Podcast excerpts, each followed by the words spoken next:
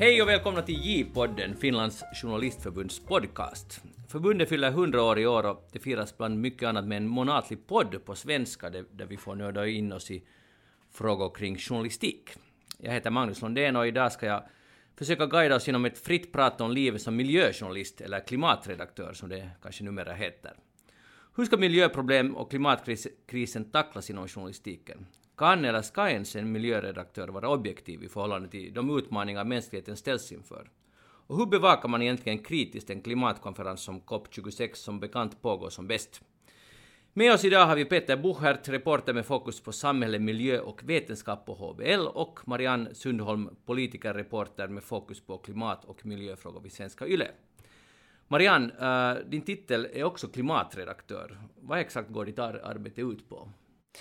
Nu, vi är ju många som jobbar med klimat på Svenska Yle och jag sitter i politikgruppen med politikreportrarna så jag ska titta mera på den där eh, själva inrikespolitiken kring det här och den, de här stora strukturerna och besluten som behövs för att komma, ja, så komma vidare i de här frågorna. Att det, det finns ju, jag menar klimat handlar ju om, det är utrikes, det är inrikes, det är politik, det är livsstil, det, det är allting.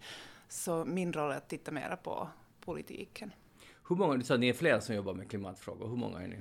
No, det är ju ett ämne som intresserar jättemånga och allt fler och fler. Uh, men på heltid jobbar jag och uh, Anna Dönsberg som är fördjupande reporter med de här frågorna. Just det.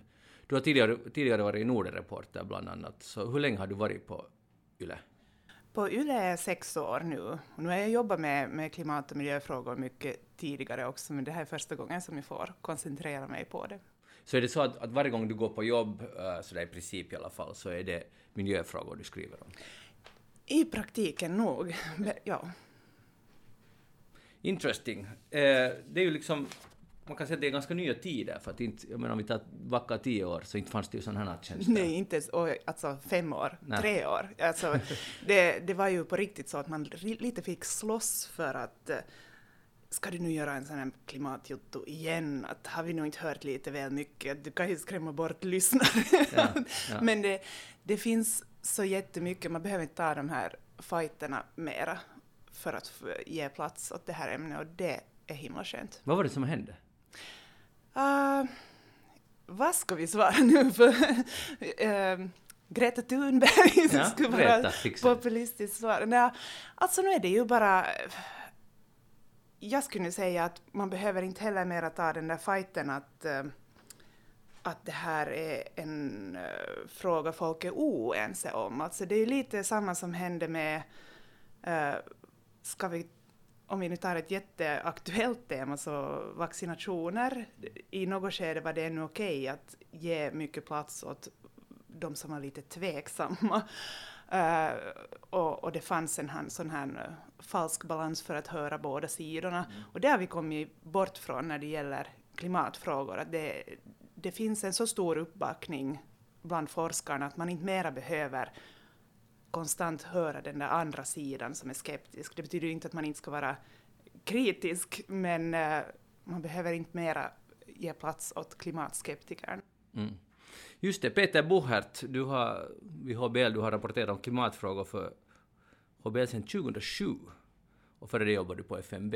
Men 2007, det är ju, vad, vad är det, 14 år sedan? Ja, det är alldeles för länge, tänkte jag säga. Nej, det, Men det, det sa du inte. Nej, som tur. Uh, det där, faktum är att när jag började 2007 så då skrev jag ganska lite klimat nog ännu. Jag var, blev nog anställd som politikreporter och det var nog mest bara politik då som jag skrev. Men sen, sen som, som Marianne sa, så klimatfrågan är också en integrerad del av politiken och jag kanske började nörda in mig på det redan i ett ganska tidigt skede och så fick jag också mer utrymme för att skriva om, om olika sorters miljöfrågor och klimatfrågor ett tidigt skede. Det är svårt att säga hur länge jag har skrivit dem. Men, men jag kommer ihåg att första gången jag var på ett sånt liknande möte som nu pågår i Glasgow, det var för precis tio år sedan i, i Durban i Sydafrika var jag första gången på ett sånt möte. Efter det så har jag varit ganska många gånger och det där um, och sett, sett det, men att nu den här gången är jag, är jag inte där heller. Det brukar vara den senare veckan av de två veckorna, men, men inte den här gången. Vi kommer komma tillbaka till Glasgow, men uh, bara rekapitulera dina 14 år där så, så ser du en, också så som Marianne en stor skillnad i, i, intresse för miljöfrågor? Alltså nu menar jag internt på redaktionen, att är det sådär att måste kämpa ännu för att få uppmärksamhet för de, de grejer ja, du vill skriva om? Mm, ja, jag har nog inte behövt kämpa för det direkt. Att jag har nog fått skriva uh, mycket miljö och klimat verkligen de senaste åren, det, det måste jag säga. Men samtidigt så har jag inte sett någon uh, konkurrens där heller. Jag har inte sett kanske något större intresse från eh, kollegornas sida. Det är mer så här att fast, fast den här frågan har blivit större och större, och precis som Marianne sa jättebra, det är liksom det är politik, det är livsstil, det är ekonomi, det är allting, att den klimatfrågan går igen överallt. Så, så det där tycker jag den, att den, det är bara sporadiskt som det, den liksom tangeras i andras juttor, medan jag har den på något sätt i fokus hela tiden, så det blir en lite konstig balans kanske sådär i, i längden. Men ja, nu har jag förstås också funderat själv många gånger att skriver jag för mycket om det här, borde jag göra annat också, eller borde man lämna det lite, tona ner det här, eller men samtidigt ser jag ju att det, det är en fråga som växer hela tiden och får större utrymme i samhället. Så varför skulle jag tona ner den? Snarare borde man få med sig lite fler. Mm. Upplever du att du är den enda HBL som skriver om sådana frågor? Nog regelbundet, ja. Det, det är absolut. Att det tangeras ibland i andra kollegors grejer just därför att den, den återkommer så, så mycket och finns redan på så många ställen i, i samhället. Men, men det där, no, jo, inte, inte, har vi liksom, inte har vi något team kring det här, det har vi inte. Mm. Är det månne så nu att, uh, för att jag tänker, om jag tänker tillbaka riktigt långt i tiden, för jag kommer ihåg den första miljöredaktören som jag nu minns var på Nya Åland av alla tidningar. De hade en sån där miljöruta, Miljön och vi, och jag, tycker de, jag tror att de någon gång fick något pris också för det. Och hon, eh, Annika Orre tror jag att hon hette, så, så, så hon hade haft den här miljörutan länge, och det var så där att allt miljö bara kom i den där ena halvsidan i tidningen, och annars så var det ingen som beaktade miljöfrågor. Så är det, är det liksom förlegat, som du Marianne lite antydde redan, att, att bara tänka att hej, vi har en miljöredaktör och så är det fixat med det och så behöver vi inte skriva mer om miljöfrågor. Att den tiden är liksom för länge sedan förbi? No, nu är det ju så, sen är det kanske inte i praktiken så, men, men det är nog det många talar om, att det här miljö och klimattänket borde in i precis all annan rapportering och där är det ju lätt att dra äh, paralleller till coronarapporteringen, att precis allt, allt vi rapporterar om just nu har lite att göra med det också, hur samhället ser ut eh, på grund av de Eh, Eh, restriktionerna eller försiktighetsåtgärderna eller ekonomiska följderna och så vidare. Så eh, klimat och miljöfrågor borde egentligen nämnas i precis all rapportering, eller åtminstone inte lämnas helt obeaktat. Ja, en annan jämförelse är kanske jämställdhetsfrågor och, jämlikhetsfrågor. Att, att det där, man kan inte eh, rapportera om, om stora politiska skeenden utan att ha det här i baktanken. Mm. Hej, det vi skulle gå rakt på sak. Jag har en, sån här, en fråga som jag vill gärna diskutera, är det här med som man förut kunde kalla kampanjjournalistik, man har liksom en agenda som man vet att det här är, det här är vår agenda. Och ibland blir ju miljöjournalistik eller klimatjournalistik, om man ska, det är förresten ett konstigt ord att kalla det för klimatjournalistik, men att låt, låt gå. Det där att, ähm, att jag skulle fråga, upplever ni att ni har en agenda? Att ni vill liksom upplysa folk om ett visst synsätt på klimatfrågan? No, no, jag skulle säga att inte, inte upplever jag att jag har en agenda. Tidigare upplevde jag kanske att när det kom mycket intressant ny klimat forskning, alltså vetenskap, så var det intressant att berätta om det. Nu vet man någonting nytt om klimatförändringen som man, som man inte visste förut. Och det är fortfarande helt intressant nog om att, att plötsligt smälter isbergen i en lite snabbare takt än man har vetat förut. Det är ju en nyhet, det är helt, helt intressant. Men, men liksom den här folkbildande delen av det hela så tycker jag nog att blir på något sätt mindre och mindre därför att, att när det gäller just det här klimatvetenskapen, därför att det är så uppenbart, det är bevisat redan så många gånger. Vi vet den här kontentan av det är ändå detsamma, att det är liksom mitt i en global uppvärmning som är människodriven och, och nu behöver vi göra någonting åt det. Att, att det intressanta tycker jag finns där på politiksidan, att vad, är det som, vad ska vi göra åt det här? Liksom? För att, att, att ytterligare lägga till lite forskning som visar att ja, ja vad var det vi sa, att det går, går jättesnabbt framåt och nu går det kanske ännu lite snabbare framåt. Så det, det är ändå petitesser jämfört med det att, att vad, vad gör vi åt den här krisen? Så att, att inte tycker jag det, att det liksom är en agenda i sig med det där, utan nu tycker jag att, att,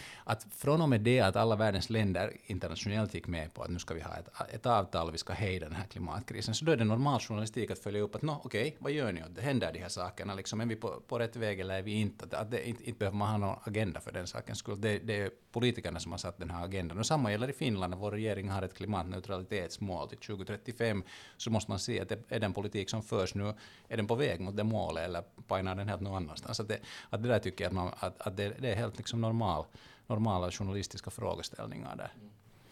Jag håller helt med. Det, det är liksom, man har kommit lite ifrån det där att behöva, eller helt ifrån det där att behöva övertyga publiken att det här är ett problem. Eh, och särskilt förstås när man talar med den unga publiken. Alltså de, många där har nog full koll på, alltså väldigt bra koll på vad som gäller. Så att nu då titta på vilka konkreta åtgärder som, eller följa upp vilka konkreta åtgärder politikerna verkligen eh, tar tag i, och inte bara politikerna förstås, utan också industrin och mm hela resten av samhället. Ja, och sen tänker jag, förlåt, men det där med den här agenda, liksom, att inte det inte det är någon agenda att följa upp hur klimatpolitiken till vilka slags åtgärder blir, blir det och, och liksom hålla den här pressen uppe att, no, att det ska bli tillräckligt med åtgärder. Det är ju liksom det politiska, en politisk agenda är sen att liksom lobba för just någon viss sorts åtgärder. Mm. För mig är det helt ett och samma om, om liksom sådär i princip om, om klimatåtgärderna är liksom, om, om man kan definiera dem som någon slags vänsterpolitik eller högerpolitik eller någonting annat. Det beror på vilken slags regering vi har. Men att, att det, liksom inte, det ska inte vara en fråga om politisk Eh, på något sätt identitet eller ideologi för att, för att man ska vara antingen för eller emot klimatåtgärder, utan man, man är beroende på hurdan politisk ideologi man har, så man kanske för olika sorters klimatåtgärder. För mig är det ingen skillnad vilken, det, vilken sort det är, bara, bara, liksom, bara saker går framåt. Och, och där är ju också en stor skillnad till för no, ännu några år sedan, jag menar när i, förra regeringen när, när eh, riksdagspartierna, alla utom ett, gick ihop för att bestämma sig för att, eller för att sätta klimat, eh, högre klimatambitioner på agendan så, så blev det ju väldigt tydligt att det är inte mera bara vissa partier som driver de här frågorna. Det är ju klart att det är vissa som, som driver dem mera, men eh, klimatfrågorna har en stor uppbackning liksom på ett brett politiskt fält. Ja, internationellt, och, och, och det är ju helt klart. Ändå funderar jag, uh, att, men, men ni är överens om, alltså så här, personligen tycker ni att det ska göras åtgärder? Ni, ni tycker som regeringen och ni tycker som FNs klimatpanel och så vidare. Det, ja, 90, 99 procent av ja, världens vi, klimatforskare. Ja. Jo, jo, jo, men ändå att, att, det, att det finns på det sättet en, en, en man behöver inte kalla det agenda, men det finns en, liksom en grundinställning som ni säkert delar, att det måste göras någonting. Jo, och, jag tycker, hur påverkar det er journalistik? No, jo, det, det är en, en, bra fråga, men jag tycker nog absolut att någonting måste göras, liksom att, eftersom all relevant forskning visar att alternativet att inte göra någonting leder, leder en katastrof, så varför skulle man inte göra det? Att liksom vissa saker tycker jag att journalister har på något sätt i ryggraden. Att en annan fråga är, är mänskliga rättigheter. Att inte, inte liksom funderar vi heller på att är det, är det nu så att det är okej okay att, vi, att vi driver på att att vi ska tillämpa mänskliga rättigheter. Liksom Nej, det, det, är ju universellt, universellt överenskommet. Ja. Naturligtvis, det är en liksom förutsättning. Vi, alltså hela, hela journalistiken, samhällsjournalistikens uppdrag går ju på något sätt ut på att, att liksom hitta orättvisor och missförhållanden i samhället och, på, och påpeka dem och sen liksom pressa makthavarna att göra någonting åt det. Och sen är det makthavarnas sak att vad gör de åt det och hur gör de det behöver man inte lägga sig i. Men på något sätt att nu är det ju liksom att, att föra världen i, i rätt riktning mm. eller se till att, liksom att sätta press på att någon styr världen i rätt riktning tycker jag det är journalistikens uppdrag. Precis, och där hade det där folkbildandet kanske gått från att, uh, från att från den där för några år sedan att, att det handlar om att upp, upplysa om att det här problemet alls existerar och, och sätta det på agendan kanske så, så numera till att förklara vad som går att göra och vilka av alla vilda förslag som är realistiska, uh, göra skillnad på uh, greenwashing och uh, andra mm, ja. mer realistiska och ärliga förslag. Alltså, det, det, är ju en djungel och det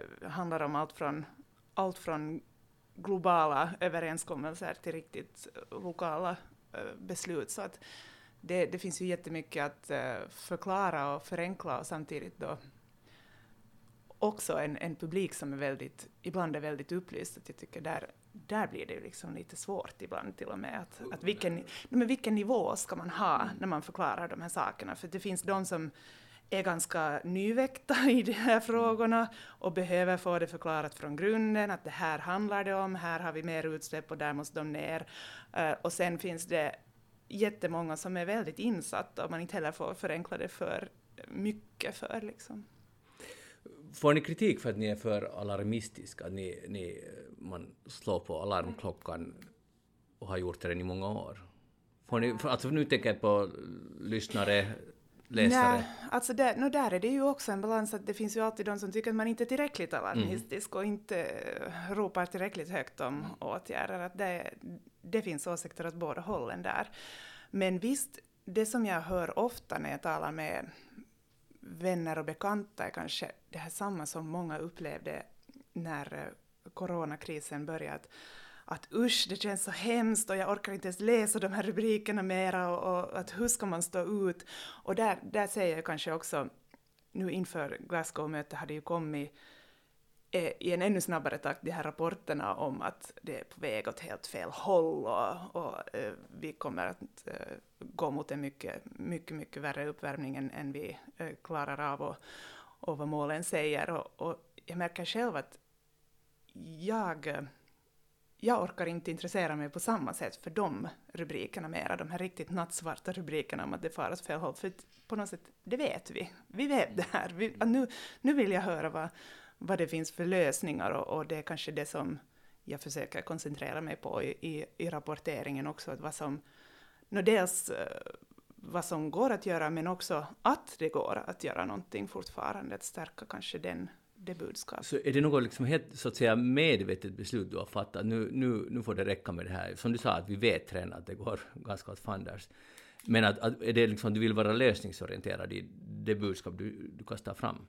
No, inte får det ju heller bli bara fantasier om, om att Nej. allting är på väg åt rätt håll. Man måste ju vara ärlig med, med läge. Men visst tror jag det kanske nu inte gäller bara min klimatrapportering utan min rapportering överlag, att, att eh, jag tror att det lönar sig att titta på uh, vad det finns för lösningar och, och inte liksom göra det helt nattsvart och tappa hoppet. Jag tycker det låter jättebra, för jag tycker att eh, också corona har tycker jag lite visat, att vi, alltså jag kan hålla med om, om, om att man kan bli ganska knäckt om man bara läser rubriker varje dag om att allt går åt fanders och det blir bara värre dessutom. Att, men jag tror inte att det bara är journalistikens uppgift, alltså personligen. Jag tror att, att, att hitta lösningar är också en, ganska bra. Nej, det ligger, kanske ligger det lite i, i journalistikens väsen att koncentrera sig på det där som är hemskt och de svarta rubrikerna. Jag undrar bara varför det måste vara så. Mm, men jag tror att liksom på något sätt att, att det där det är bra med de här lösningarna och jag håller helt med om att, att man kan inte bara dra de här nattsvarta rubrikerna för folk blir helt utmattade och sen vänder det sig mot sig självt. Men, men det där, sen när det gäller sån här lösningsinriktad journalistik så finns det liksom inbyggda problem i den. Att, att där, där först blir, det, blir man lätt äh, beskylld för att driva en agenda. Att om du liksom, ja. äh, presenterar någon viss lösning att hej så här klarar vi, uh, undan, mm. klarar vi oss undan den här klimatkrisen och då vet man att ja, i alla lösningar finns det massor av pengar involverade och någon kommer att göra business på, om vi väljer just den där lösningen, medan någon annan som hade en annan lösning så blir eh, på något sätt utan sitt jobb då eller någonting så att jag tror att man måste vara försiktig med vilken ja. sorts lösningsinriktad ja, journalistik det... man gör och hur mycket lösningsinriktad journalistik man överhuvudtaget gör. Så jag är lite skeptisk till, den där, till, till det där formatet. Men man måste visa förstås på att det finns lösningar men vara jätteförsiktig med att ta ställning till att vilka av dem som är bra. Jag håller helt med. Det är jättesvårt att orientera sig bland just alltså all, alla teknologiföretag som vill eh, visa att de gör allt för klimatet och, och, och som jag sa då, green, greenwashing. Och, alltså det, det är ett jättesvårt fält att, att uh, hitta rätt i. Um, men jag tänker kanske mera på den där, alltså lösningsorienterat på det sättet att lyfta upp att det finns många som jobbar för de här sakerna och att politiken är alltså tar tag i de här frågorna och, och, också det här att det ändå finns, att det är högt på agendan globalt och eh, hos flera olika, alltså att det inte är en höger-vänster-fråga mera på samma sätt som tidigare.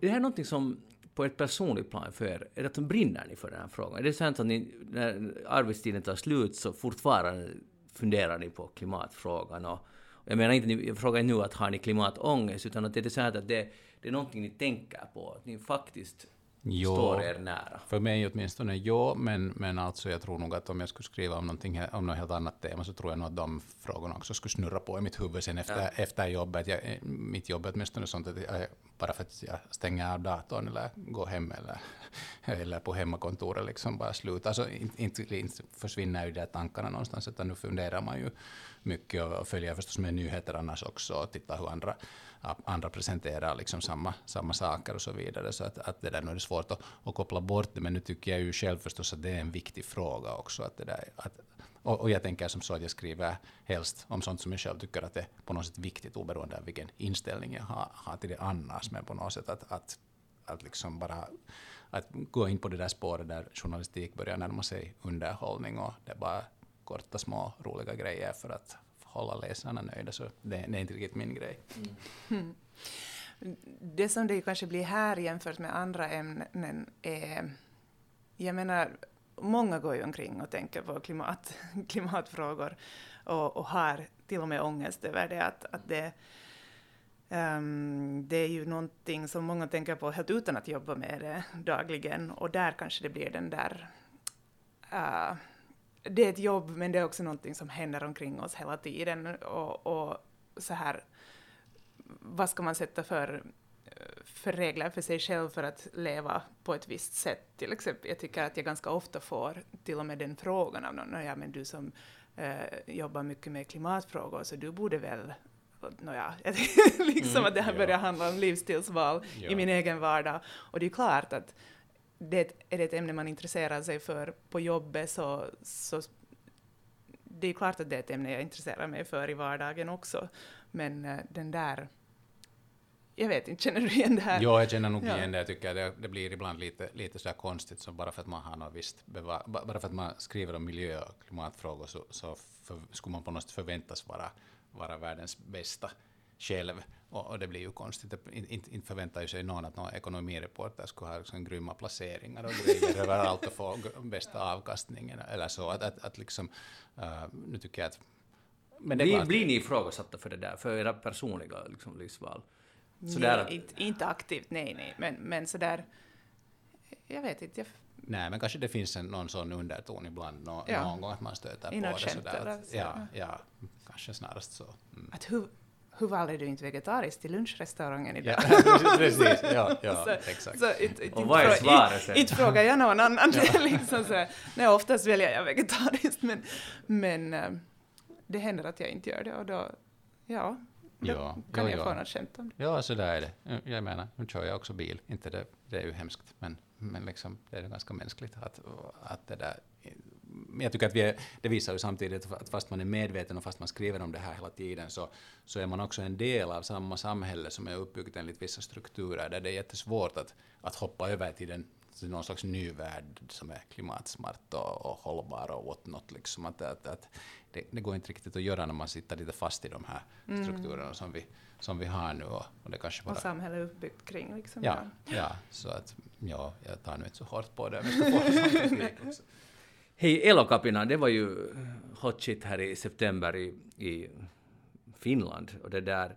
Ni har båda skrivit uh, kolumner eller analyser kring det. Uh, du skriver, Marianne, 29 september skrev, skrev du på YLE att uh, Visst kan vi diskutera om det är rätt att blockera trafiken för att ge klimatfrågorna uppmärksamhet. Extinction Rebellion är inte ett gäng oorganiserade ungdomar, de är tvärtom strategiskt målmedvetna med sin kommunikation. Att få synlighet genom trafikstopp och civil olydnad är precis vad de är ute efter.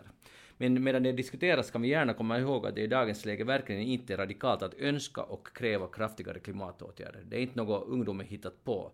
Tvärtom är de i gott sällskap och du nämner då bland annat vår president Niinistö och många, många, många fler. Peter, du skriver dagen efter. Varför förhålla sig, varför förhålla sig journalistikkåren så olika till demonstrationer om den ena är för torven och den andra är för klimatåtgärder. Ett svar kunde vara att demonstrationer för att bevara, för att bevara känns mer acceptabla och legitima än demonstrationer för förändring. Etablerade medier kanske snarare är bevarande än förändrande krafter. Den här saken, sista meningen. Etablerade medier kanske snarare är bevarande än förändrande krafter. Stämmer det?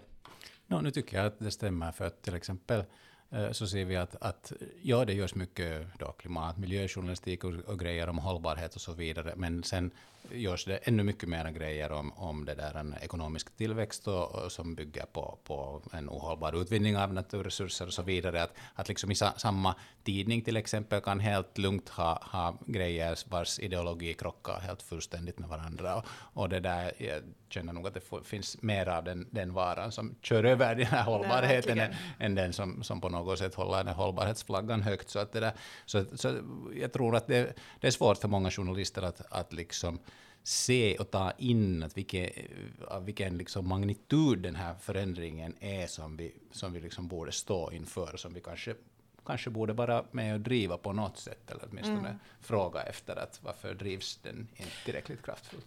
Verkligen, och där, där just det här att, att klimatfrågan borde tas in i all bevakning, att, att eh, nu blir man ju förundrad när man öppnar en...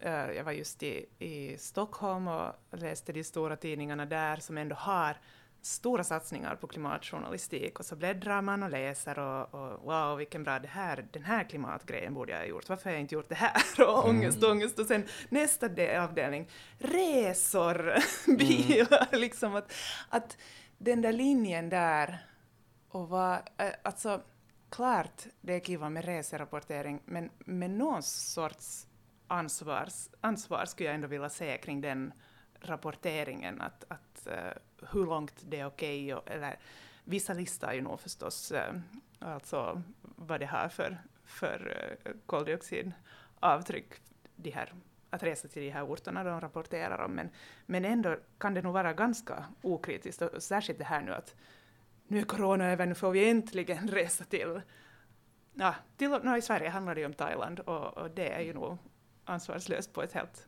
annat sätt. Jag tycker det är helt hisnande. Alltså, och, om, om man är, och det, dessutom är det så, och det, det är ju nästan hyckleri för att, för att enas eller precis som du sa Ren, och jag tycker man ska kunna lösa det på ett rätt sätt, lätt sätt genom att liksom skriva mer om resmål i närheten till exempel, alltså nordiska resmål. Mm. Alltså, nu finns det ju sätt att liksom kringgå det där. Alltså, det är ju, jag förstår nog att människor vill resa, det är ju, resan är ganska trevligt, mm. trevligt mm. men man måste ju bara göra det smart. Men mm,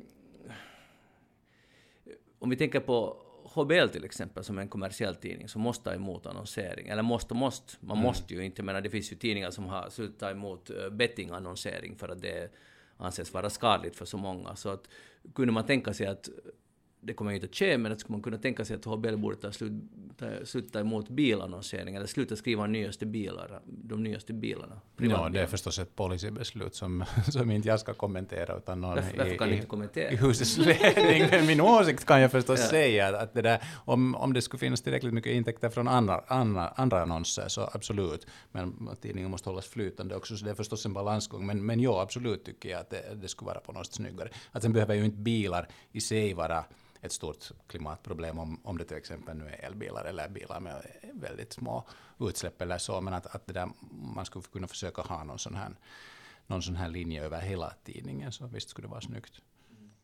Hur är det med YLE? Ni, har ni mycket om, tycker du att ni skriver an, att det blir också ett sorts hyckleri där i er övriga rapportering? No, det är ju, hyckleri vet jag inte, alltså, det, inte kan man ju utdöma allt som, som hyckleri heller när det handlar om att spegla det samhälle som vi lever i och att folk vill börja resa igen och folk är beroende av bilar i det här skedet och, och, och man kan inte, alla kan inte gå över till, till elbilar eller andra alternativ heller. Att, att man måste ju liksom ta upp uh, dels uh, det som folk vill läsa om, men också det som är folks vardag och verklighet. Att, men ja, det, det, är klart att det är någonting vi, vi diskuterar och där har vi ju förstås eh, lyxen att inte eh, behöva fundera på hur, vad vi har för annonser och så. Men eh, ja, alltså reserapporteringen är ju nog något vi, vi diskuterar, att hur, hur ska man förhålla sig till det?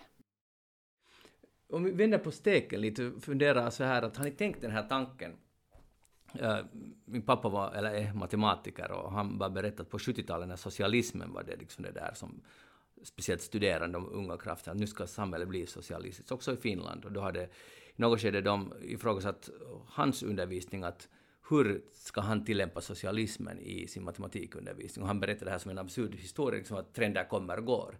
Så har ni någonsin funderat, att, för nu säger vi alla tre överens att klimatfrågor borde liksom genomsyra all rapportering. Brukar ni någonsin fundera, vänta nu, att blir det för ensidigt? Är vi, liksom, är vi alla nu förblindade att det är så här vi måste rapportera? Det här är liksom den ideologiska grunden som vi alla delar. Ja, inte, inte, jag, inte, ska, inte ska klimatfrågan genomsyra all rapportering, men den ska, den ska liksom finnas med då när den är, det finns en relevant aspekt där. Och åtminstone så länge tills, tills liksom Först borde alla journalister lära sig att se att när, när är det relevant att ta upp den här, att man kan inte bara skriva om att hej hurra, Helsingfors vandrar utvidgar och blir fyra gånger större.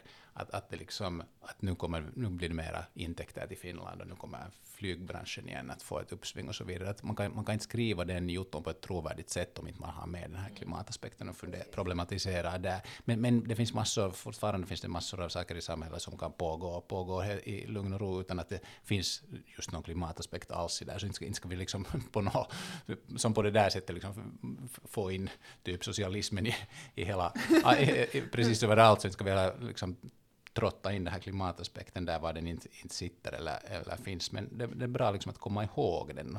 Och, och jag tänker att den klimataspekten är ingen, ingen ideologi så som socialismen är, att nu ska vi förändra hela samhället så här, utan det, det är mer liksom en, en förutsättning för, för uh, hållbarhet. Och det är bara dessutom en av förutsättningarna. Det finns mycket andra saker där, annan ekologisk hållbarhet, social hållbarhet och så vidare, ekonomisk hållbarhet för, för, i, i det där i på något sätt idealistiska fram, framtidssamhälle som vi aldrig ändå kommer att få. Men man måste ju liksom styra, försöka liksom hoppas att, att, att makthavarna skulle styra samhället åt rätt håll. Men ja, man får akta sig nog för att inte liksom sätta in klimataspekter där de inte mm. är motiverade.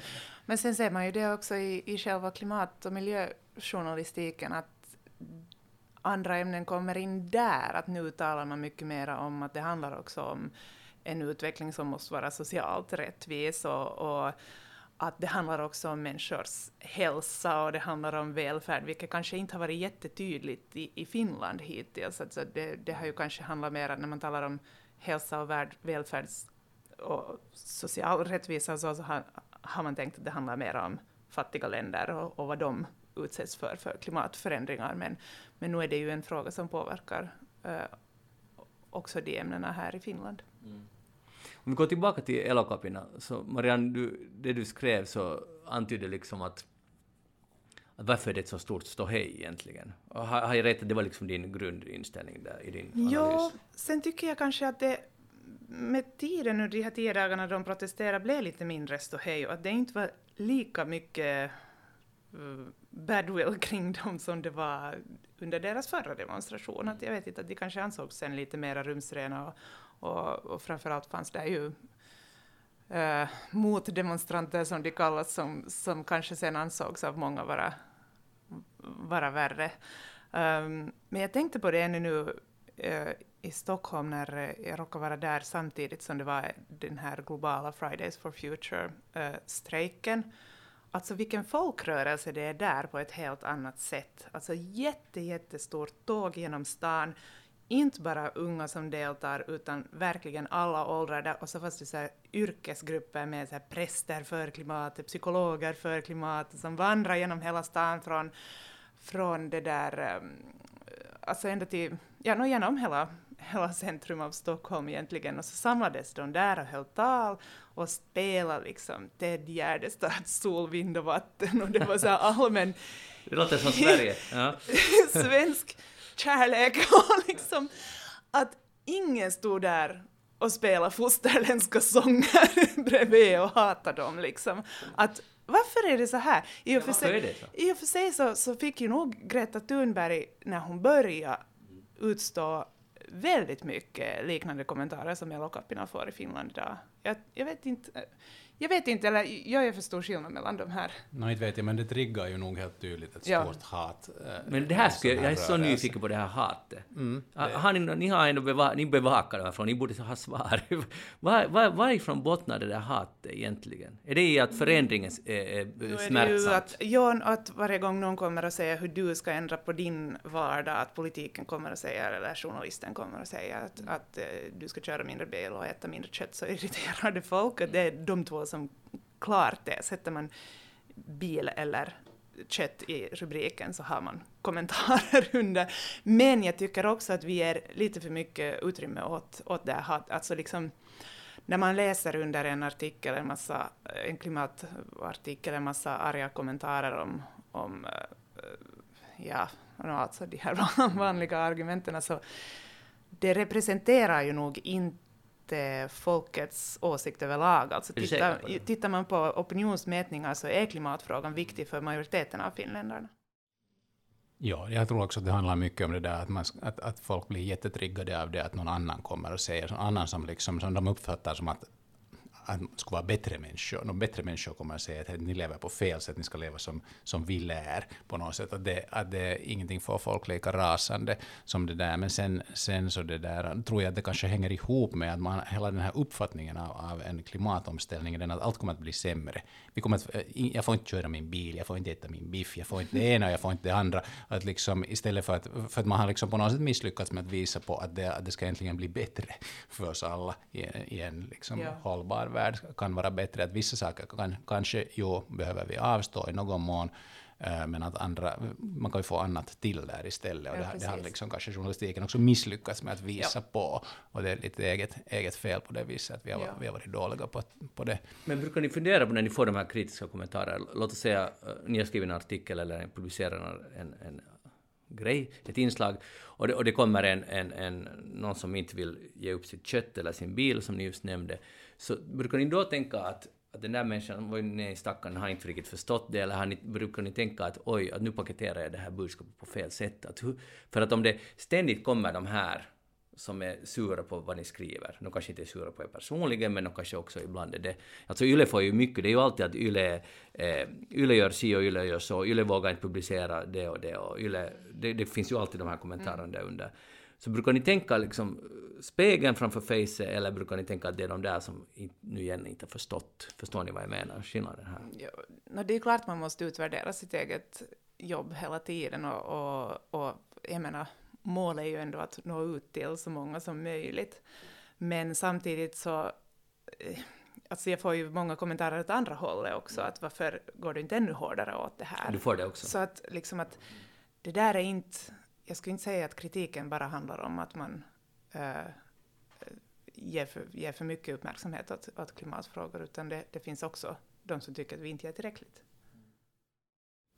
Ja, jag tror, eh, tror också att det finns lite olika aspekter. Att om jag tittar på den respons som jag får, eller som, som, som Hufvudstadsbladet får, så det är två, två olika grejer där. Dels är det att, att om jag skriver någon klimatartikel, att, jag att nu utsläppen verkar att öka så här mycket och nu går det riktigt dåligt, så då kommer de här Eh, som vi kallar klimatskeptiker och kommer skriva insändare och förklara att inte det alls så där att det finns en forskning på någon blogg visar att bla bla bla, att, att inte det är så att du är värdrivare och det är alarmistiskt och så vidare. Men sen är det en annan sak om, om vi delar den här samma artikeln på, på Facebook till exempel och så kan folk där skriva uh, kommentarer hur mycket som helst. Så där, där kommer sen sådana helt andra argument eller bara sånt att jag tror inte på det där eller allt möjligt sånt att, att, att, att du har fel eller vad är det här för skit eller no, all, allt så att man inte liksom, det liksom finns inga referenser, det är bara sådana allmänt motstånd att nej, jag tycker inte om det här. Och jag tänker att, att, det att någon inte tycker om min artikel, så visst kan jag titta mig i spegeln, men inte skriver ju heller artiklar för att alla ska gilla dem. Att, att det, där, det är väl för att det ska väcka tankar snarare. Så att, att det där, Jo, det finns allt, jag håller helt med Marianne där, att, att man, måste liksom, man har alltid anledning att, att på något sätt rannsaka sin egen journalistik, men, men det där, man kanske inte ska ta för mycket åt sig när, när, när kommentarerna alltid går i en viss riktning.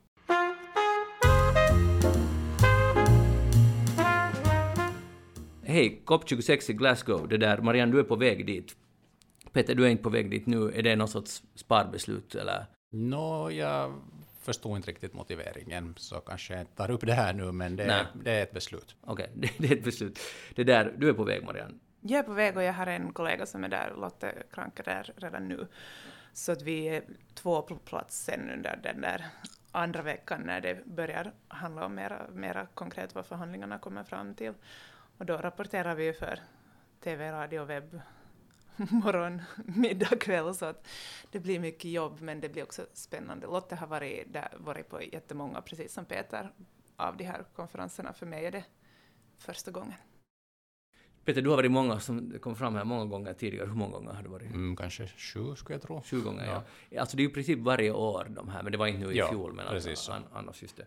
Det där... Uh, första var väl visst 95 av de här serierna, sen har det Earth Summit. Är det liksom, det är en större Ja, det har, det har haft lite olika former och emellanåt så kallar till exempel FNs generalsekreterare till några egna klimattoppmöten som är så här endags eller tvådagsmöten och så ska alla, alla fara dit och säga liksom att nu lovar vi något som vi aldrig lovat förut.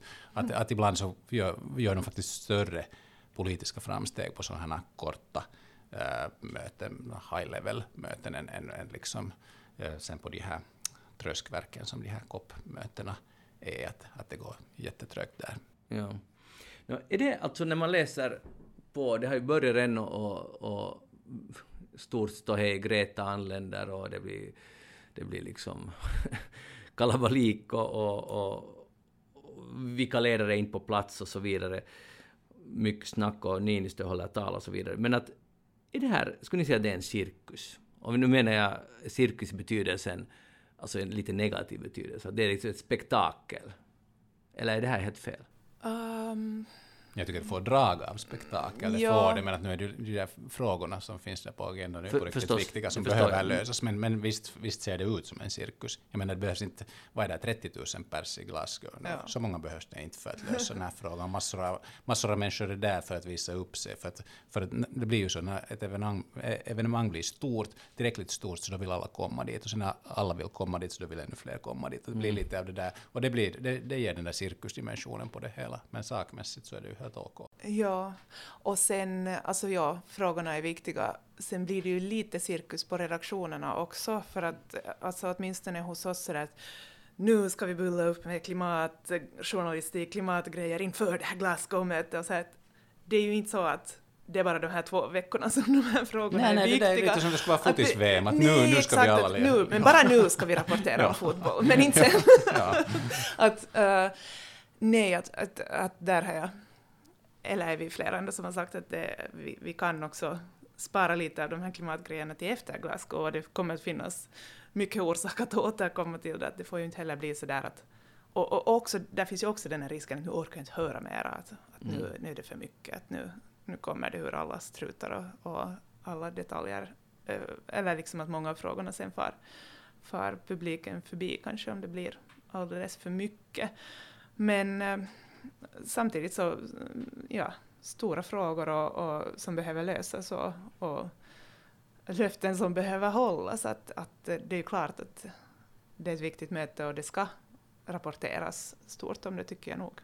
Det är intressant för att om inte jag skulle ha haft den här podden så skulle jag inte ha läst in mig på det här COP26 så noggrant. Och så nu läste jag så blev det plötsligt jätteintressant. Man märker shit, att det är ju liksom Alltså menar, frågorna intresserar mig, men, men, men det blir också, det här spektaklet blir också intressant och också vad människor säger. Jag menar, jag menar på riktigt substansen.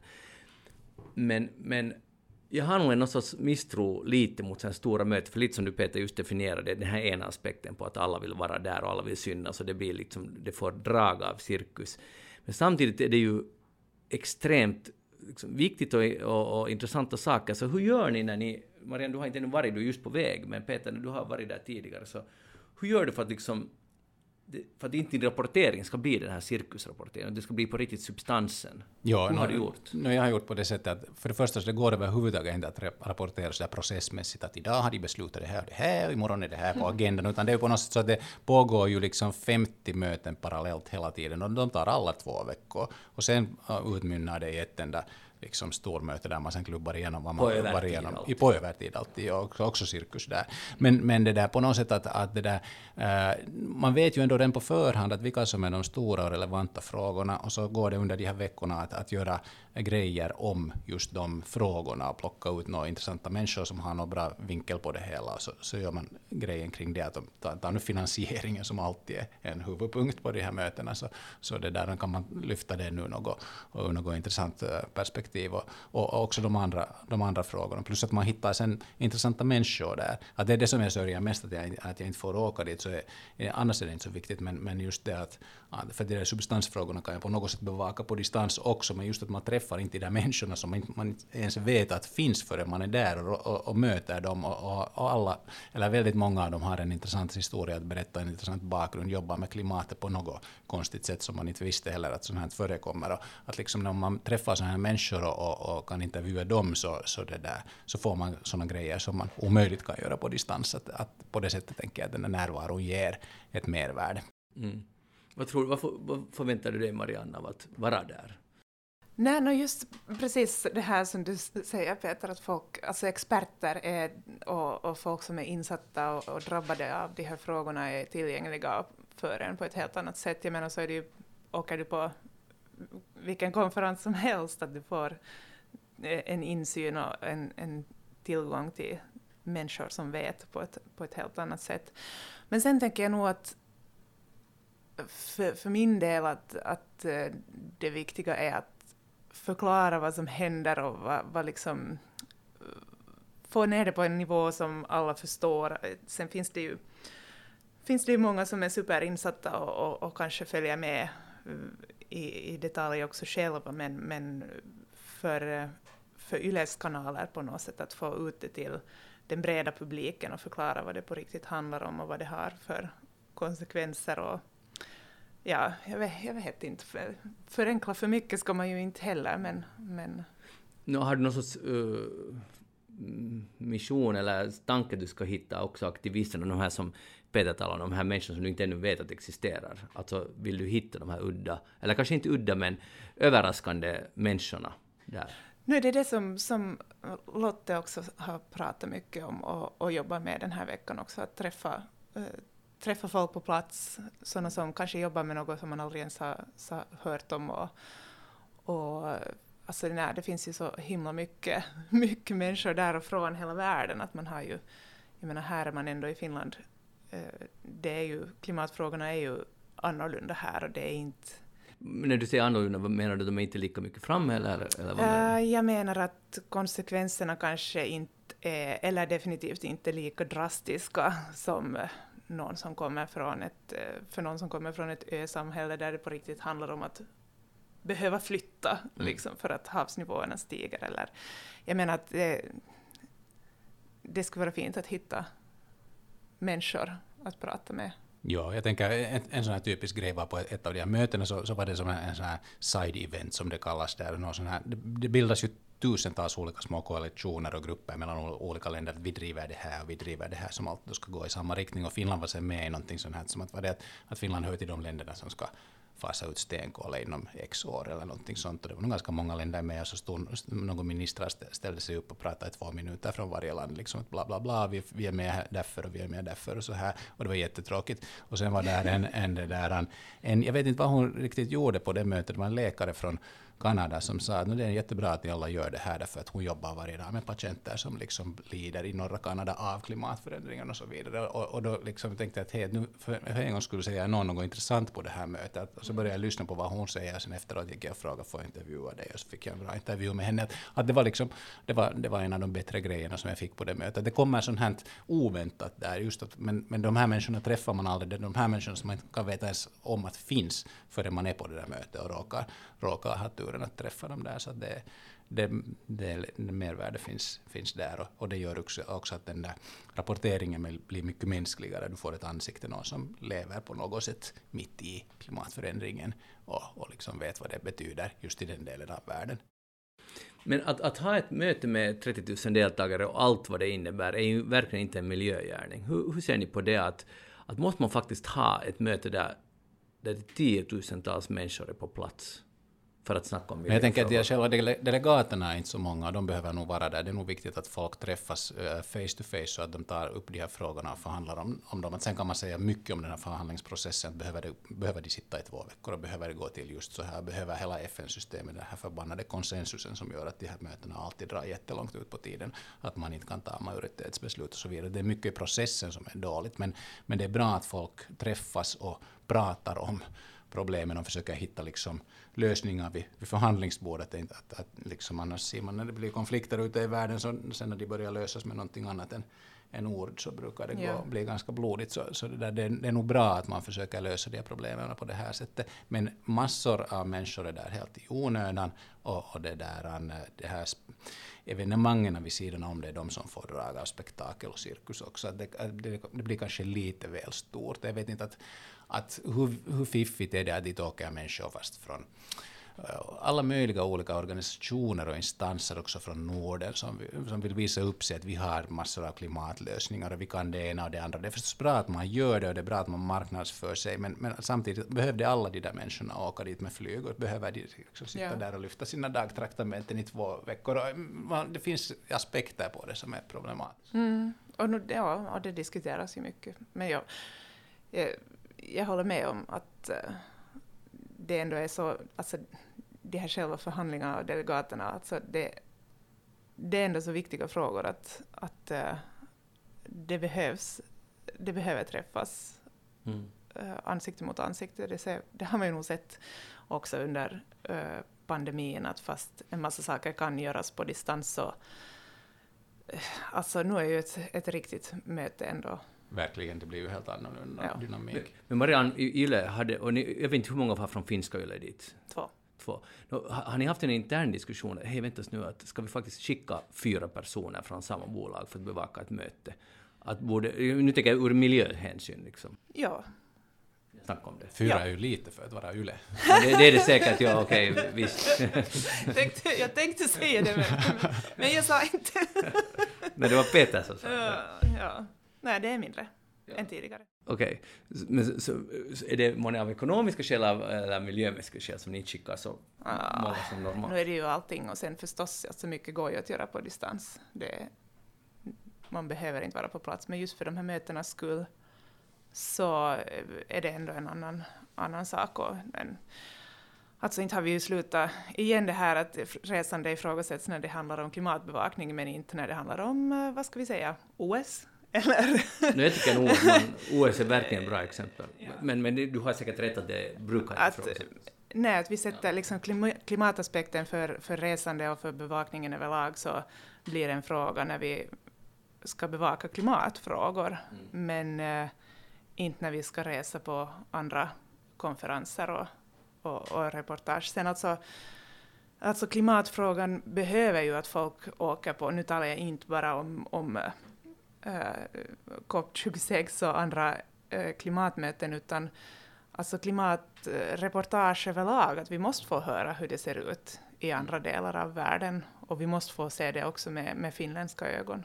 Exakt, jag, tycker, jag är också lite irriterad av en sån här skenhelighet att så fort det är ett klimatmöte så då ifrågasätter man att folk reser dit, men sen liksom till olympiska spelen som behöver de faktiskt ordna sig. Nu på 2020-talet, så, så tänker jag att, att behöver liksom halva världen åka dit också, och massor av journalister, då är det ingen som ifrågasätter den här klimataspekten där, att det, att det blir lite skevt det där. Hej, eh, och då kommer vi som sista grej in på en ny generation, och nu talar jag en ny generation journalister. Så, så när 20-åringen nu börjar studera eller, eller studerar redan eller vill komma ut i arbetslivet så småningom, eller kanske redan är där. Vad har ni för råd uh, till en som är intresserad av miljöfrågor och klimatfrågor? Vad, vad, vad, liksom, vad ska man satsa på att bli framgångsrik? Tant Marianne och farbror Ja, det är, det är, snart sparkar de ut det. ja, precis. Nej, det där inte vet jag, ju mer äh, påläst man är, ju mer intresse man har, desto bättre. Och sen lönar det sig säkert att om, om man ännu studerar, så att försök studera någonting annat också. Skaffa, inte bara journalistik? Ja, det, det skulle jag säga till alla som studerar journalistik, att studera något annat också, inte bara journalistik. Att det här, äh, jobben i den här branschen i framtiden. Vet, jag vet inte riktigt hur det kommer att se ut. Men jag, no. jag, no, jag vet inte hur det kommer att se ut. Jag säger bara så att alla kan tänka den tanken själv. Men, men det där, ja. Men annars så, ja, bara man blir en bra journalist så kan man säkert, det är det viktigaste. Sen kan man lära sig eh, substans från olika ämnesområden, om det är politik eller mm. klimat eller annat, så, så det där, det är förstås viktigt. Och sen alltså miljö och klimatfrågor, att välja någonting, det här som du läser in dig mera på, för att det är ju så himla, himla brett och, och det lönar sig att ta en sak i taget på något sätt. Att, att uh, vill man titta då på mera på den globala rättvisan, vara utrikesjournalist, det är liksom ett spår. Sen kan man titta mera på eh, inrikespolitik eller titta mera på helt alltså, personliga och, och individuella livsval och vardagen. Att det är ju, här finns ju jättemånga olika möjligheter. Bra, där kom några goda råd. Uh, tycker de låter jättevettiga. Det där det har varit roligt att tala med er om eh, klimat och miljöjournalistik. Eh, Marianne Sundholm, klimatredaktör på YLE, Svenska YLE, och Peter Bohert, miljöreporter på HBL. Tack för att ni var här. Tack själv. Och lycka, lycka till i Glasgow och rapporteringen av, från, eller av Glasgow eller från eh, COP26. Jag heter Magnus Lundén. Det här var alltså Finlands journalistförbunds podcast J-podden och ni får gärna tycka till om vad vi har snackat om här idag eller om ni har förslag på vem, vad vi borde göra i framtida avsnitt så skriv e-posta oss på jpodden journalistilito.fi. Och då är vi tillbaka om en månad igen med nya sanningar om den finlandssvenska journalistiken. Ha det bra tills dess. Hej då!